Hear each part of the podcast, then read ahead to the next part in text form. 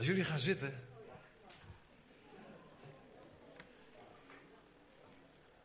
Dan verandert eh, de band in een klein bandje. En dan wil ik graag naar voren roepen. Sarah en Lucia. Misschien kunnen we de standers er even af.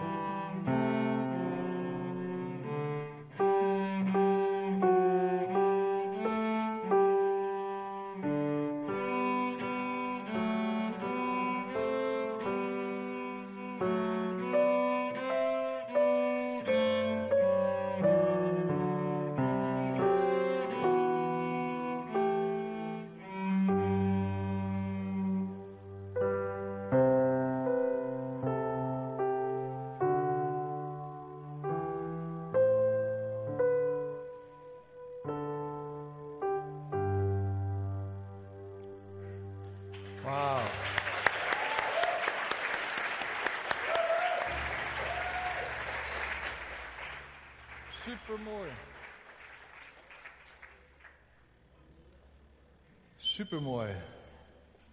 Heel goed, hè. Ik, wil, ik wil eigenlijk heel graag niet dat jullie inderdaad weer terug gaan naar de zaal, maar jullie hebben zo mooi voor ons gespeeld. Ik wil jullie graag een mooi verhaal gaan vertellen. Dan zijn jullie mijn publiek. Dan we lekker zitten. Ik heb een bankje voor je klaargezet. Zo. Kaarsje zal ik voor je aandoen. Hoe werkt dat? Oh, hier. Wie heeft een lucifer? Auw. Oeh. Is heet. Verschrikkelijk. Oh. Het hoort erbij, hè? Het doet het nou.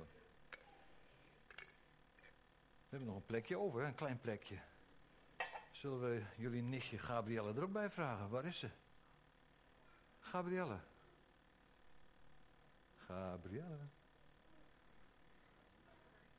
Is ze helemaal achteraan? Kom maar vast. Kom maar, het is een eindlopen. Leuk, gezellig. Luister, ik had jullie wat beloofd. Hebben jullie wel zin in een lekker bakje chocolademelk? Ik heb het niet warm. Jij ook, Gabrielle? Chocolademelk? Ja, hè? Dat heb ik al gedaan, hè? In de auto. Kijk eens. Nou.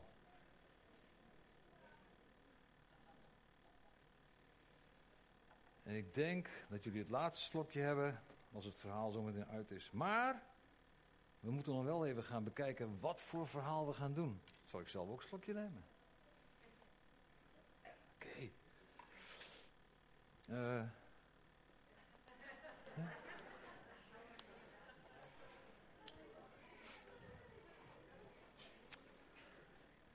Ik heb gedacht, ik heb thuis een paar heel mooie boeken staan. Ik neem er een paar mee waarvan ik denk van nou, misschien is dat geschikt voor jullie.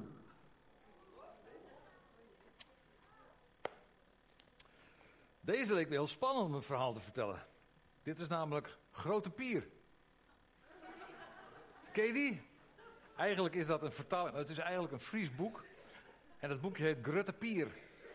En Grutte Pier, dat was een een man die ook streed voor de vrijheid van Friesland. En die man, daar wordt van gezegd, hij had een zwaard van bijna twee meter lang. Een soort Goliath, maar dan een Fries. Zoals bijna alle Friesen een Goliath zijn. Lijkt jullie dat wat met kerst, zo'n verhaal? Komt dat nou omdat het met Friesland te maken heeft? Geen België? Laat ik het zo zeggen. Grote Pier was een Belg. Ja? Nee? Tik er nou toe. Nou, hier zul je misschien van opkijken. Van Bleuband. Het vier seizoenen kookboek. Wat vind je ervan? Nee. Lekker hoor. Sneeuwpop cupcakes. Kijk eens. Heerlijk, bij de chocomel. Sneeuwpop cupcakes. Nee? Deze, daar heb ik zelf vroeger heel veel in gelezen. Dat is van een schrijver die heet meneer Van de Hulst. Ja, nou. En de mensen die nu reageren zijn ongeveer tegen de 60, dan weet je het wel. ja, maar ik, eh, ik vond er één, één verhaal geweldig uit. Dat heette Zo'n vreemde jongen. Hoe het uh, precies ging, dat weet ik nu niet meer. Dat is ook al heel lang geleden. Maar dat vond ik een geweldig boek, heb ik vaak gelezen. Maar het is een heel zwaar groot boek. Hmm, zullen we een andere zoeken? Blij dat jullie het ermee eens zijn. Want dit is het boek dat heet Als het jaar ten einde loopt. Kijk eens, lampjes, kerstbomen. Dus echt wel een boek voor deze tijd, hè? Leuk, zin in? Wauw, dat ben ik blij om. Ja, Ah, als ik ga voorlezen, moet ik toch een bril even op, hè? Want ik ga jullie nu iets heel spannends vertellen. Want we hebben gezocht naar een verhaal in dit boek. En dan denk je, moet het een spannend verhaal zijn? Moet het een sprookje zijn? Waarom geen sprookje?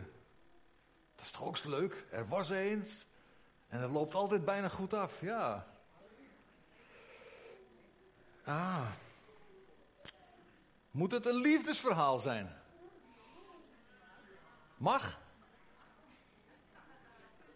Dan ben je hier wel aan het goede adres. Ik heb me gisteravond weer opgeladen met Dr. Love. Ja. Nou.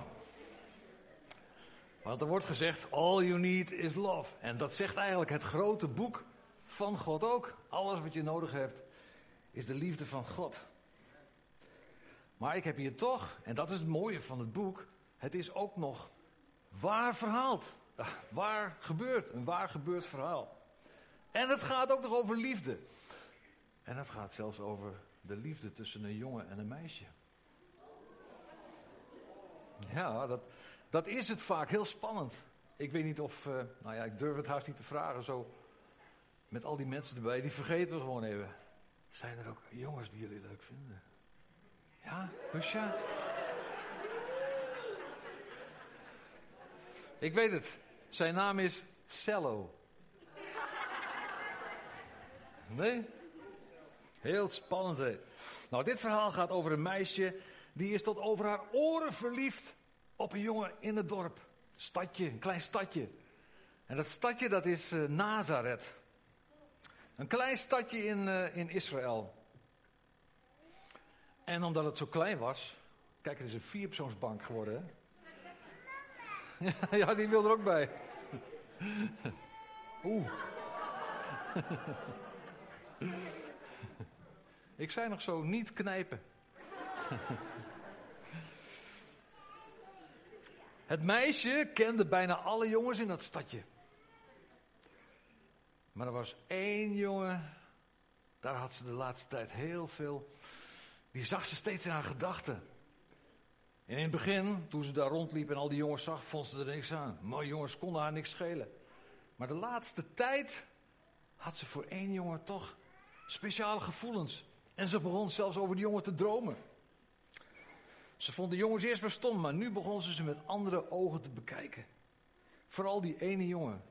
Dat was zo'n zo'n grote, zo'n sterke jongen. Als ze naar zijn handen keek, dan zag ze van wow, die is vast heel sterk. Hij had zulke mooie ogen. Dat had ze ook gezien. Ogen die begonnen te stralen en te lachen als hij eh, even naar haar keek. Ze kon geen genoeg van hem krijgen. En in het dorpje zelf, daar probeerden ze zo vaak mogelijk langs de werkplaats te lopen. Want hij had geleerd van zijn vader om timmerman te worden, meubelmaker.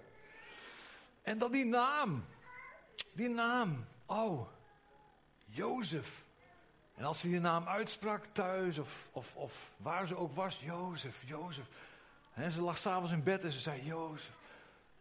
Die naam klonk als honing op haar tong. Kijk, ik heb er een plaatje van.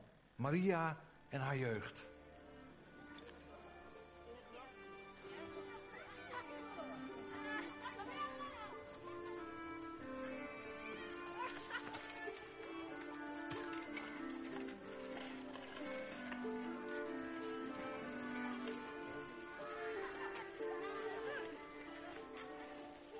Looking at him. You'll get us in trouble. I'm not looking at him. Yes, you are. No, I'm not. Mary. Oh.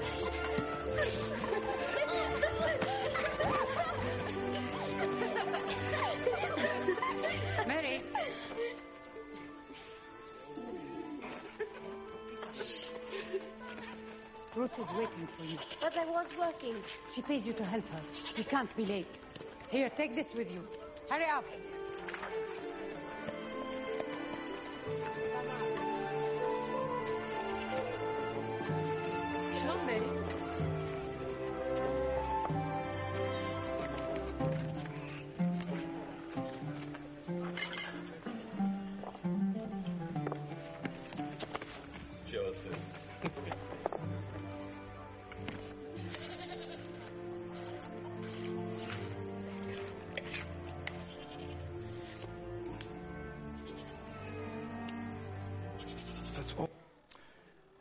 Dat de kinderen van Nazareth allerlei dingen moesten leren.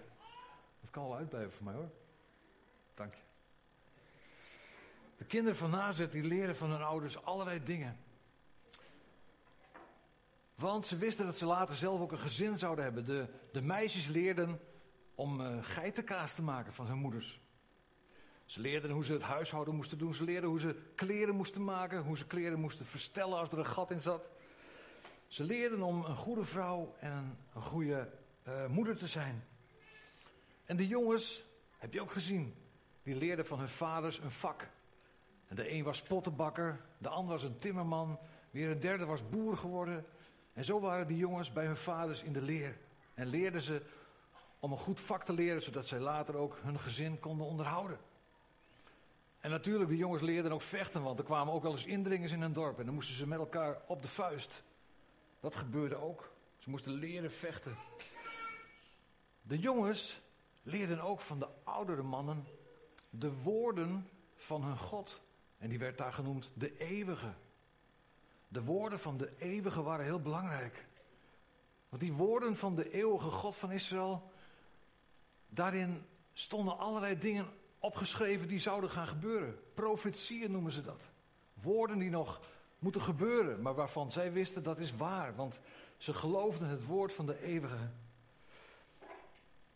En zo hoorden zij in het dorp dat er steeds vaker werd gesproken over de Messias. Er was een, een woord van de eeuwige, de Messias zou komen. De Messias, ja, de verlosser. En dat was goed, want ze waren ineens, eh, over, ja, ze waren ineens overvallen door de Romeinen. Ze waren niet meer vrij, ze waren niet meer in hun eigen land. Maar ze waren onder, de, onder het juk, onder de macht van de Romeinen. dat wilden ze niet, dus zij hoorden steeds van, hé, hey, als nou de Messias komt. Als de Messias komt, dan maakt hij ons vrij van de Romeinen. Maar de Romeinen geloofden niet zoveel in de woorden van de eeuwige. Maar deze profetie, dit woord, dat vonden ze toch bijzonder. Stel je voor dat het waar is, dat er een bevrijder opstaat in Israël. En dan gaat hij met dat hele volk ons wegjagen hier. Dus de Joden, die verwachten de verlosser, de Messias. Maar ook de Romeinen, die, hadden daar, die hielden daar rekening mee. Die hadden overal posten staan. Zie jij al iemand die eruit ziet als een bevrijder? Zie jij al iemand die eruit ziet als een grote koning? Zie jij al iemand die eruit ziet als iemand die ons kan overwinnen? En zelfs in hele verre, vreemde landen, daar waren mensen bezig met die woorden van de eeuwige. Dat waren de zogenaamde sterrenkijkers.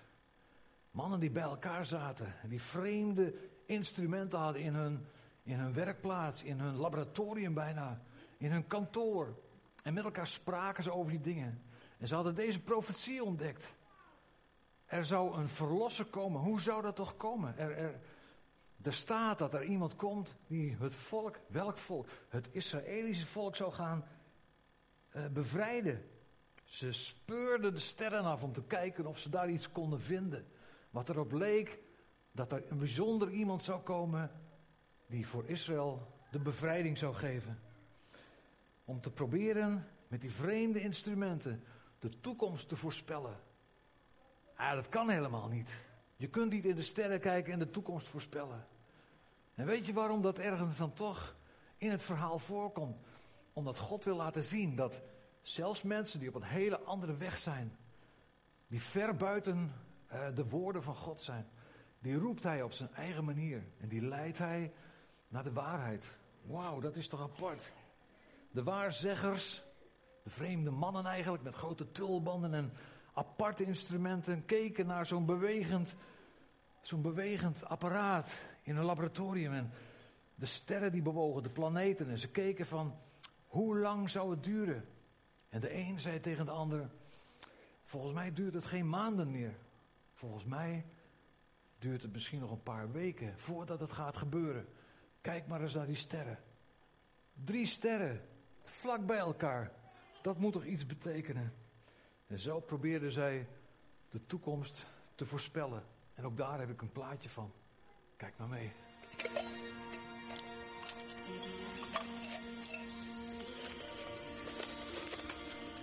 Try, Gaspar. Any clue we find may be the final piece. A star shall come forth from the land of Of Israel? Israel. But Malchior, The words speak to the very pattern I've been watching. Ah, Balthazar. If what the prophet says here is true, a new Messiah could come within our own lifetimes. There is a star that has been moving toward what the Romans call Jupiter. If the two of them draw close to each other,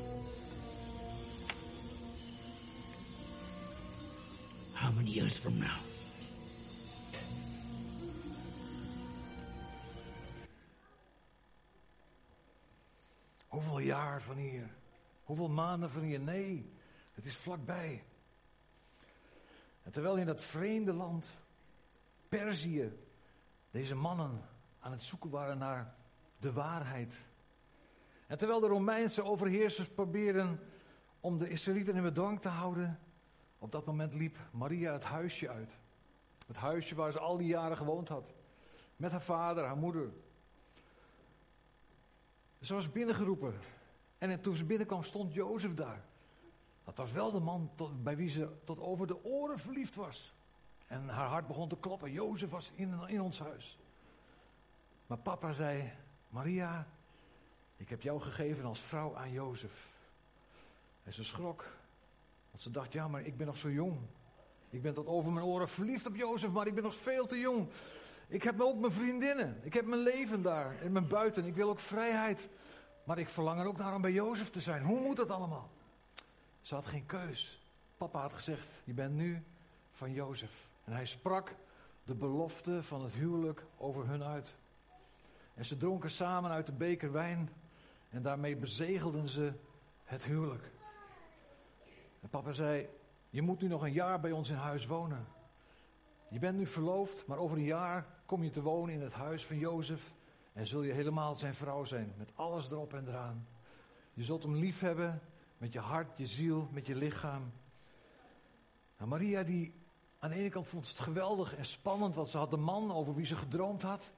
Maar aan de andere kant voelde ze de verantwoordelijkheid. Voelde ze, nu ben ik geen meisje meer, maar nu ben ik een vrouw geworden. Nu kan ik niet meer doen wat ik wil. Ik kan niet meer spelen met mijn vriendinnen. Ik kan niet meer gek doen met andere jongens of iemand een pootje laten struikelen. Nu ben ik een vrouw geworden met verantwoordelijkheid. Hoe moet dat nou toch?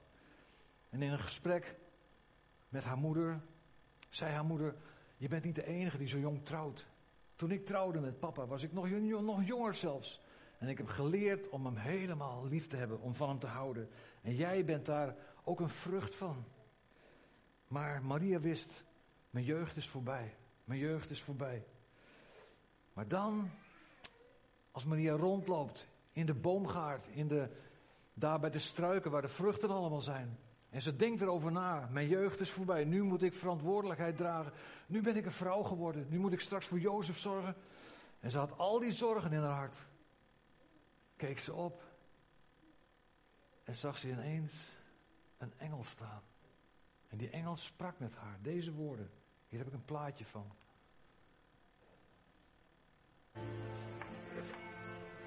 Onthouden.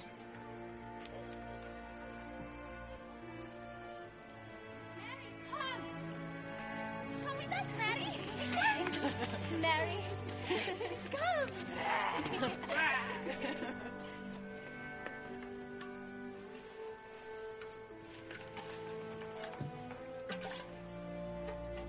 Why do they force me to marry a man I hardly know? A man I do not love.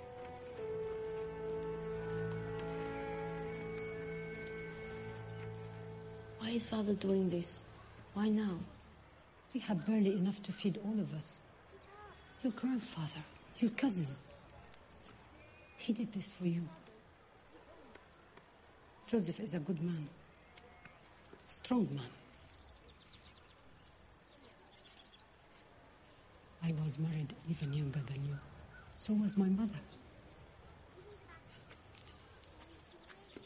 There is always hope, Mary. Even in Nazareth? Even in Nazareth.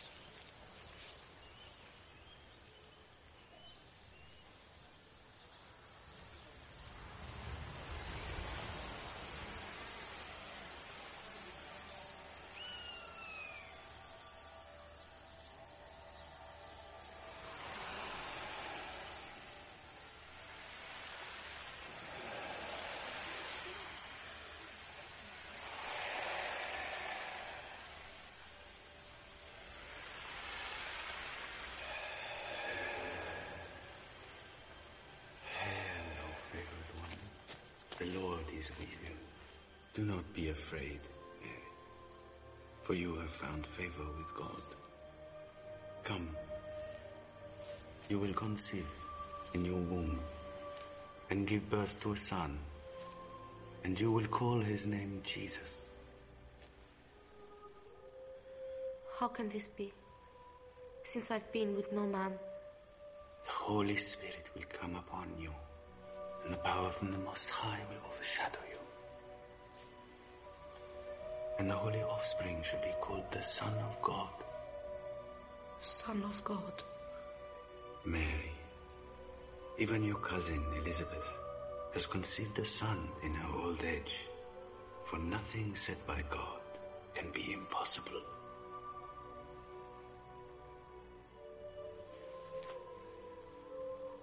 Let it be done to me. According to your word.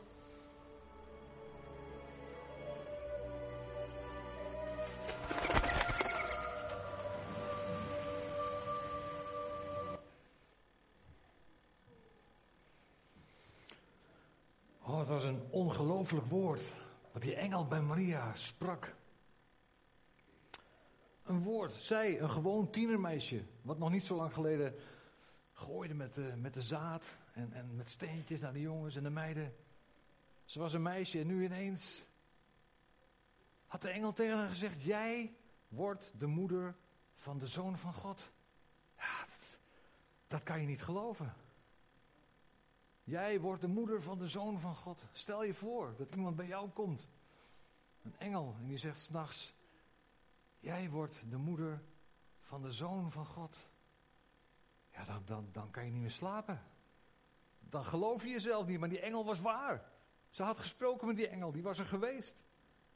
Ze kon niet daaronderuit. Het was waar. Die engel was waar. En wat hij sprak was ook waar. Zij, Maria, de net jonge vrouw. Zij mocht het kind, de verlosser, de Messias, ter wereld brengen. Wat ging er in haar hoofd om? Grote blijdschap, omdat zij uitgekozen was? Of heeft ze gedacht aan haar vader en aan Jozef? Dat ze straks ineens, zonder dat iemand het wist, een dikke buik zou hebben. Zomaar ineens, in verwachting, een dikke buik. Hoe moet dat?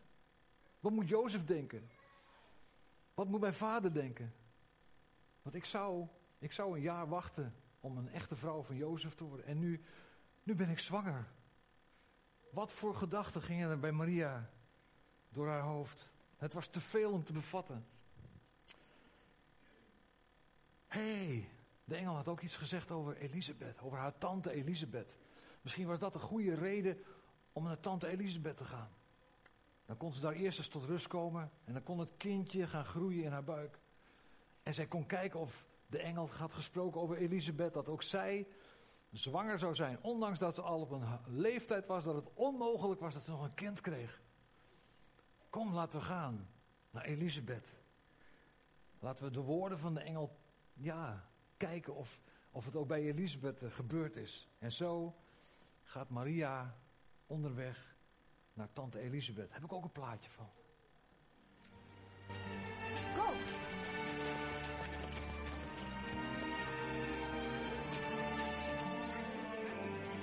Elizabeth!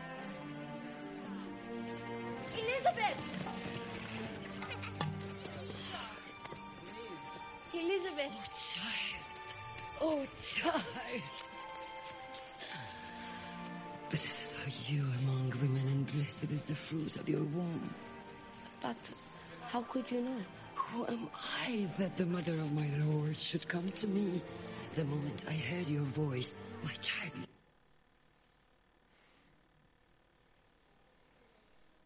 En zo was Elisabeth ineens met haar nichtje Maria samen. Maria was er een aantal weken en het kleine mannetje Johannes werd geboren.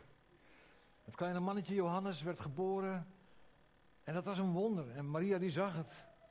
En ze wist van, als het bij eh, Elisabeth gebeurd is, dat gebeurt zeker bij mij. En ze voelde in haar lichaam, het veranderde. Ze kreeg een, een zwangere buik. Ze wist dat datgene wat de engel gesproken had, dat dat waarheid was. Ze had mooie gesprekken met Elisabeth, maar ook waarom heeft de eeuwige mij uitgekozen? Wie ben ik dat ik de zoon van God mag dragen? Terwijl Maria die gesprekken had, waren de wijzen uit het oosten al onderweg. Ze hadden grote kisten gepakt op hun uh, kamelen.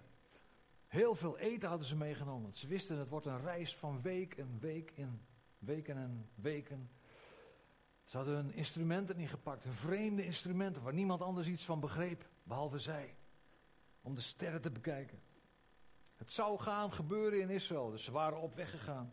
Om de nieuwe koning die geboren ging worden. Ze moesten wel snel gaan, want hoeveel weken wisten ze niet, maar het zou snel gaan gebeuren. En zo waren ze onderweg. Maria heeft Elisabeth in de eerste dagen van haar geboorte van Johannes geholpen. Maar nu het alweer een beetje beter gaat met Elisabeth, en het gaat goed met het kindje, met Zacharias. Heeft ze gezegd, eh, heeft ze, ja, het kindje Johannes en haar man eh, Zacharias. Heeft ze gezegd, nu wordt het tijd om weer terug te gaan. Want ik heb eh, Jozef beloofd, ik kom voor de oogst terug. De oogsttijd is aangebroken. En die belofte was daar. En Jozef, die stond dag in dag uit te kijken. De tijd van de oogst is er bijna. En als hij even pauze had, dan stond hij te kijken. Dan keek hij van de berg af naar het weggetje wat naar Nazareth toe leed. En dan keek hij of hij al iets zag. Een vrouw lopen of iemand op een, op een wagen die achter op de wagen zat. En hij keek en hij verlangde en hij keek en nog was ze er niet. Om te kijken of zijn liefje eraan kwam. Ze kan dadelijk hier zijn, maar oh. Als Jozef daar staat en haar papa die staat daar. En ze zullen Maria verwelkomen. Wat een schrik. Wat een schrik. Heb ik ook een plaatje van.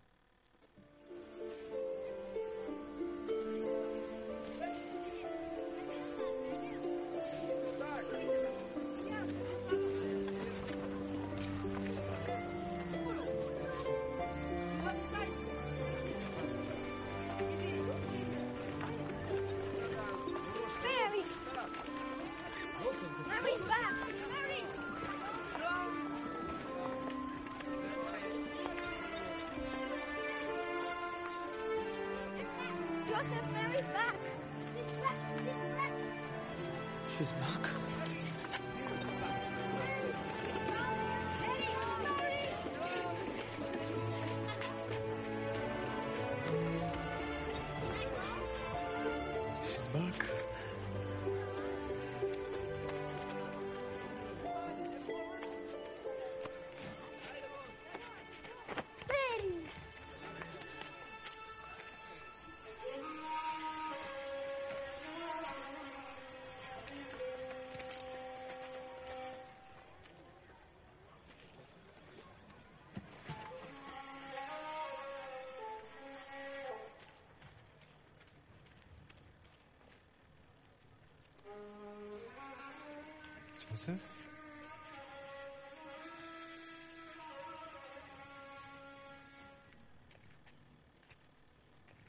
Joseph?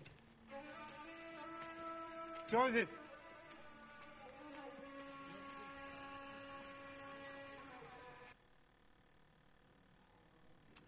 Niet best. Niet best. Het hele dorp dat sprak ervan. Oh, dat gaan? Wat heeft ze gedaan? En er wordt al gefluisterd, misschien is ze overvallen door een Romeinse soldaat. Heeft hij rare dingen met haar gedaan? En Jozef. Jozef komt thuis en hij weet het niet. Hij huilt. Hij huilt en hij denkt: hoe moet ik dit oplossen? Als ik het zo laat gaan, dan wordt ze misschien wel gestenigd, gedood, want ze heeft de belofte van God gebroken. Dat wil ik niet, want ik hou zoveel van haar. Wat moet ik doen? Misschien moet ik wel weggaan, maar ja, dan, dan groeit het kind weer op zonder vader en ik weet het allemaal niet. En dan, hij is helemaal kapot. En hij is zo moe van, van verdriet en van, het, van de pijn in zijn hart en van het huilen, dat hij gaat op bed liggen. En hij denkt aan oplossingen en hij denkt, moet ik het zo doen, moet ik het zo doen? Ik weet het niet, ik hou van Maria. Maar waarom heeft ze dit gedaan? Hoe is dit gebeurd? En zo, valt hij huilend in slaap. En hij probeert zelfs in zijn dromen een oplossing te vinden. Maar dan ineens, in die droom, komt ook een engel bij, eh, bij Jozef op bezoek. En die engel, die spreekt de volgende woorden. Kijk maar eens naar het plaatje.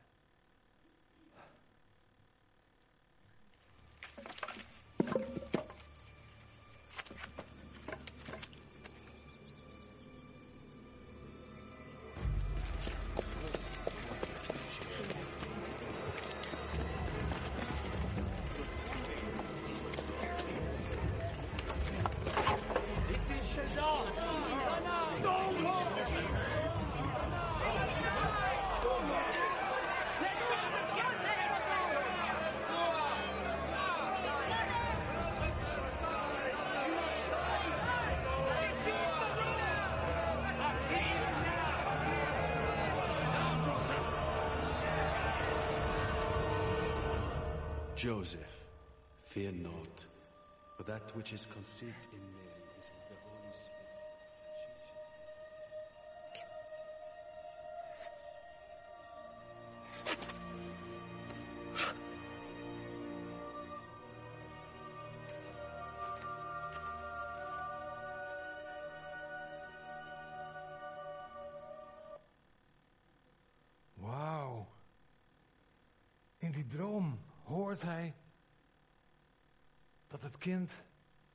van niemand is dan van God zelf.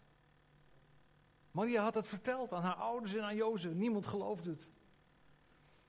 En nou is de engel bij Jozef zelf gekomen. En Jozef die begrijpt. Het is een wonder van God. En hij bedenkt hoe het is als een kindje straks geboren wordt.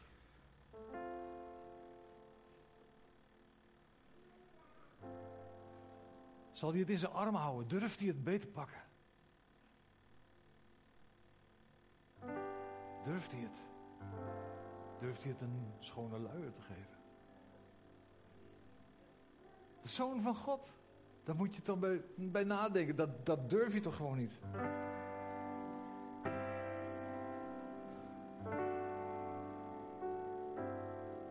Het is veel te mooi. Het is wonderbaar. Straks die baby in mijn arm. Het is wonderbaar. De baby in mijn arm. Hij slaapt zo zacht. Hier aan mijn hart. De zoon van God. Zoals de engel sprak. Het is wonderbaar.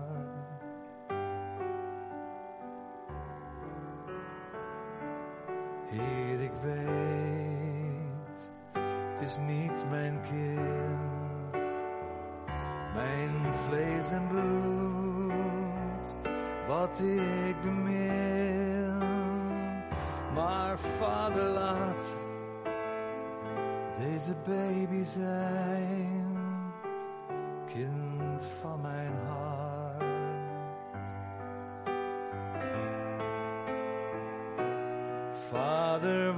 is toch mijn plaats in dit plan van u? Hoe kan een man de vader zijn van Gods zoon? Heel mijn leven lang ben ik eenvoudig timmerman. Hoe breng ik een koning groot? Hoe breng ik een koning groot? Hij lijkt zo teer, zijn handjes zijn zo klein. En als hij huilt, dan lijkt het zonlicht weg te zijn. Maar als hij lacht, oh dan schijnt het weer. Het is wonderbaar.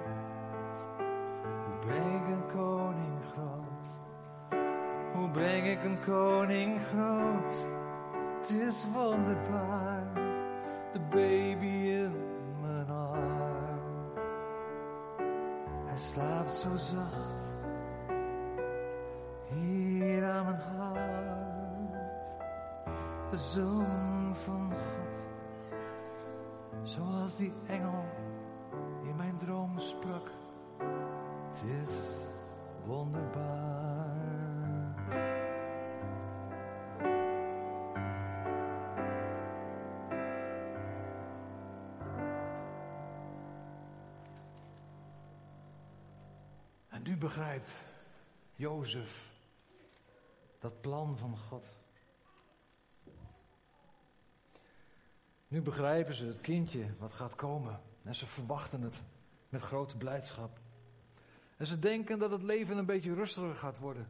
Jozef houdt zielsveel van Maria. Maria houdt zielsveel van Jozef. Samen verwachten ze dat wonderkindje. Maar dan komen de soldaten van Herodes.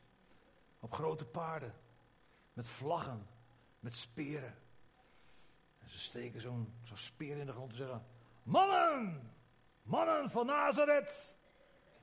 Jullie moeten binnen een maand naar de plaats gaan waar je voorouders geboren en gewoond hebben. Binnen een maand. We moeten weten hoeveel mensen hier allemaal in Israël wonen. Jozef, die moet vanuit Nazareth naar Bethlehem gaan. Bethlehem, daar hebben zijn voorouders gewoond. Het is een reis van 160 kilometer. En Jozef zou het kunnen doen, lopend.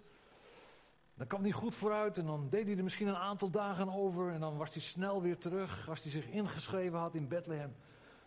Maar Maria die zat aan tafel bij hem en die zei: Ik ga met je mee. Ik ga met je mee. Papa zei: Oh Maria, meisje, het is 160 kilometer. Hoe lang ga jij daar wel niet over doen?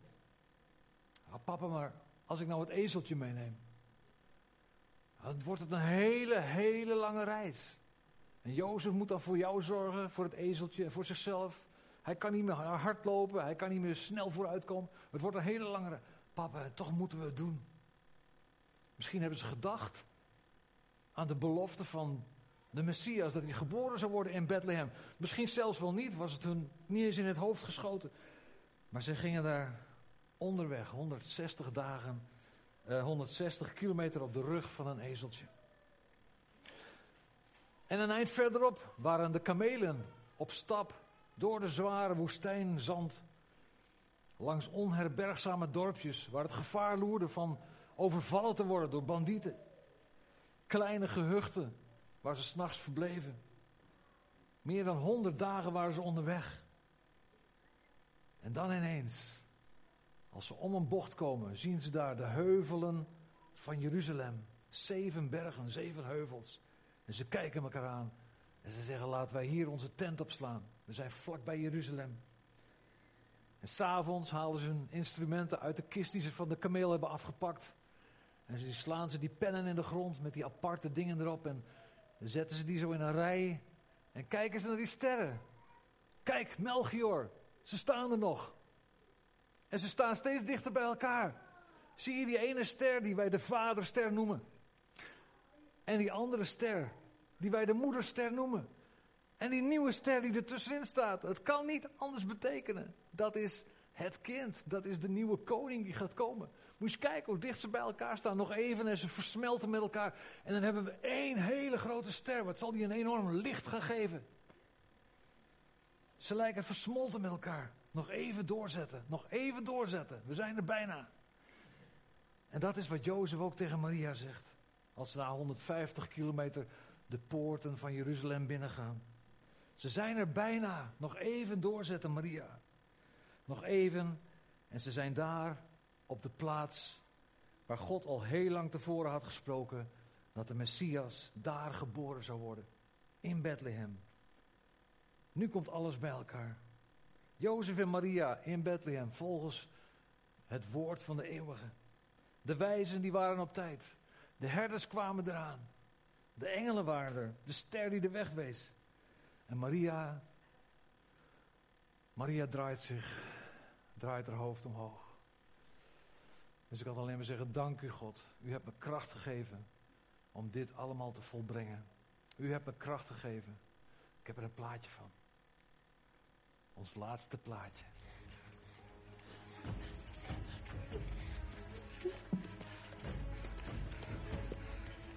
Bethlehem. Here. We will find a place. I promise.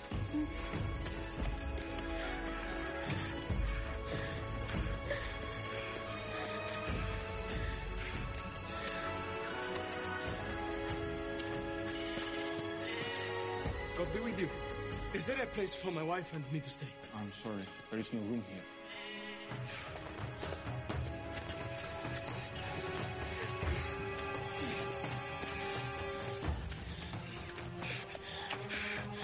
Please, please, is there an inn? Is there a place for us? My wife, she's in pain. Is there a place for us? No.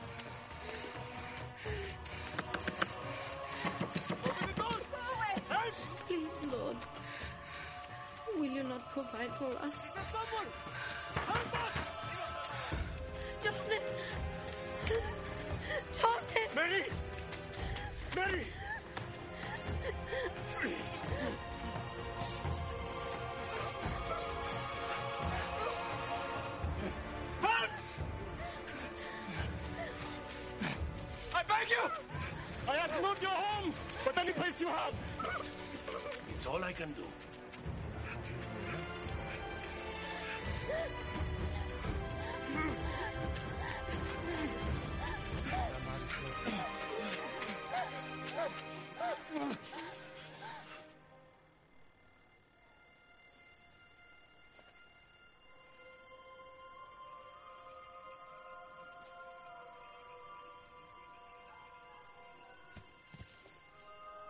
Melchior. Gaspar.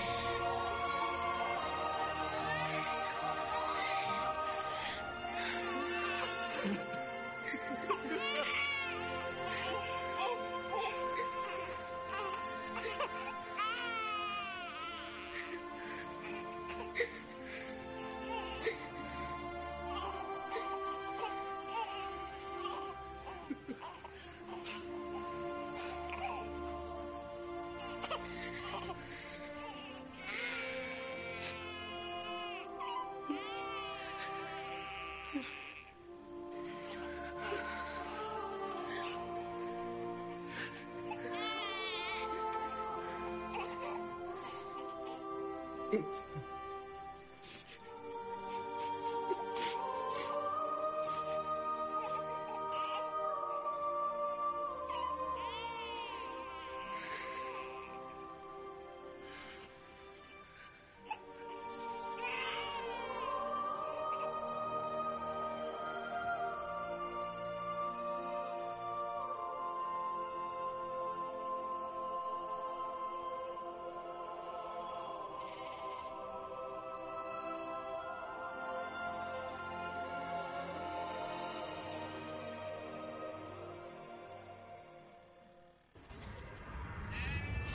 Rejoice.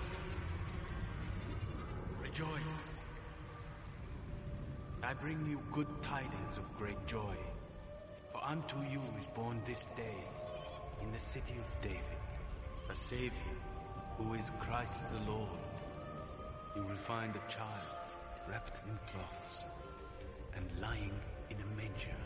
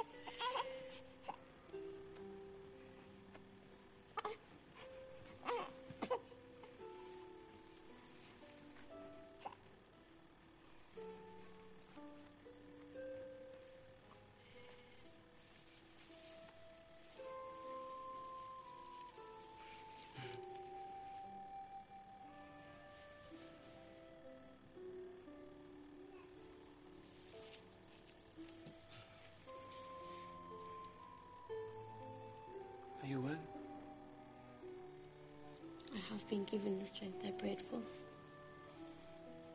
Strength from God.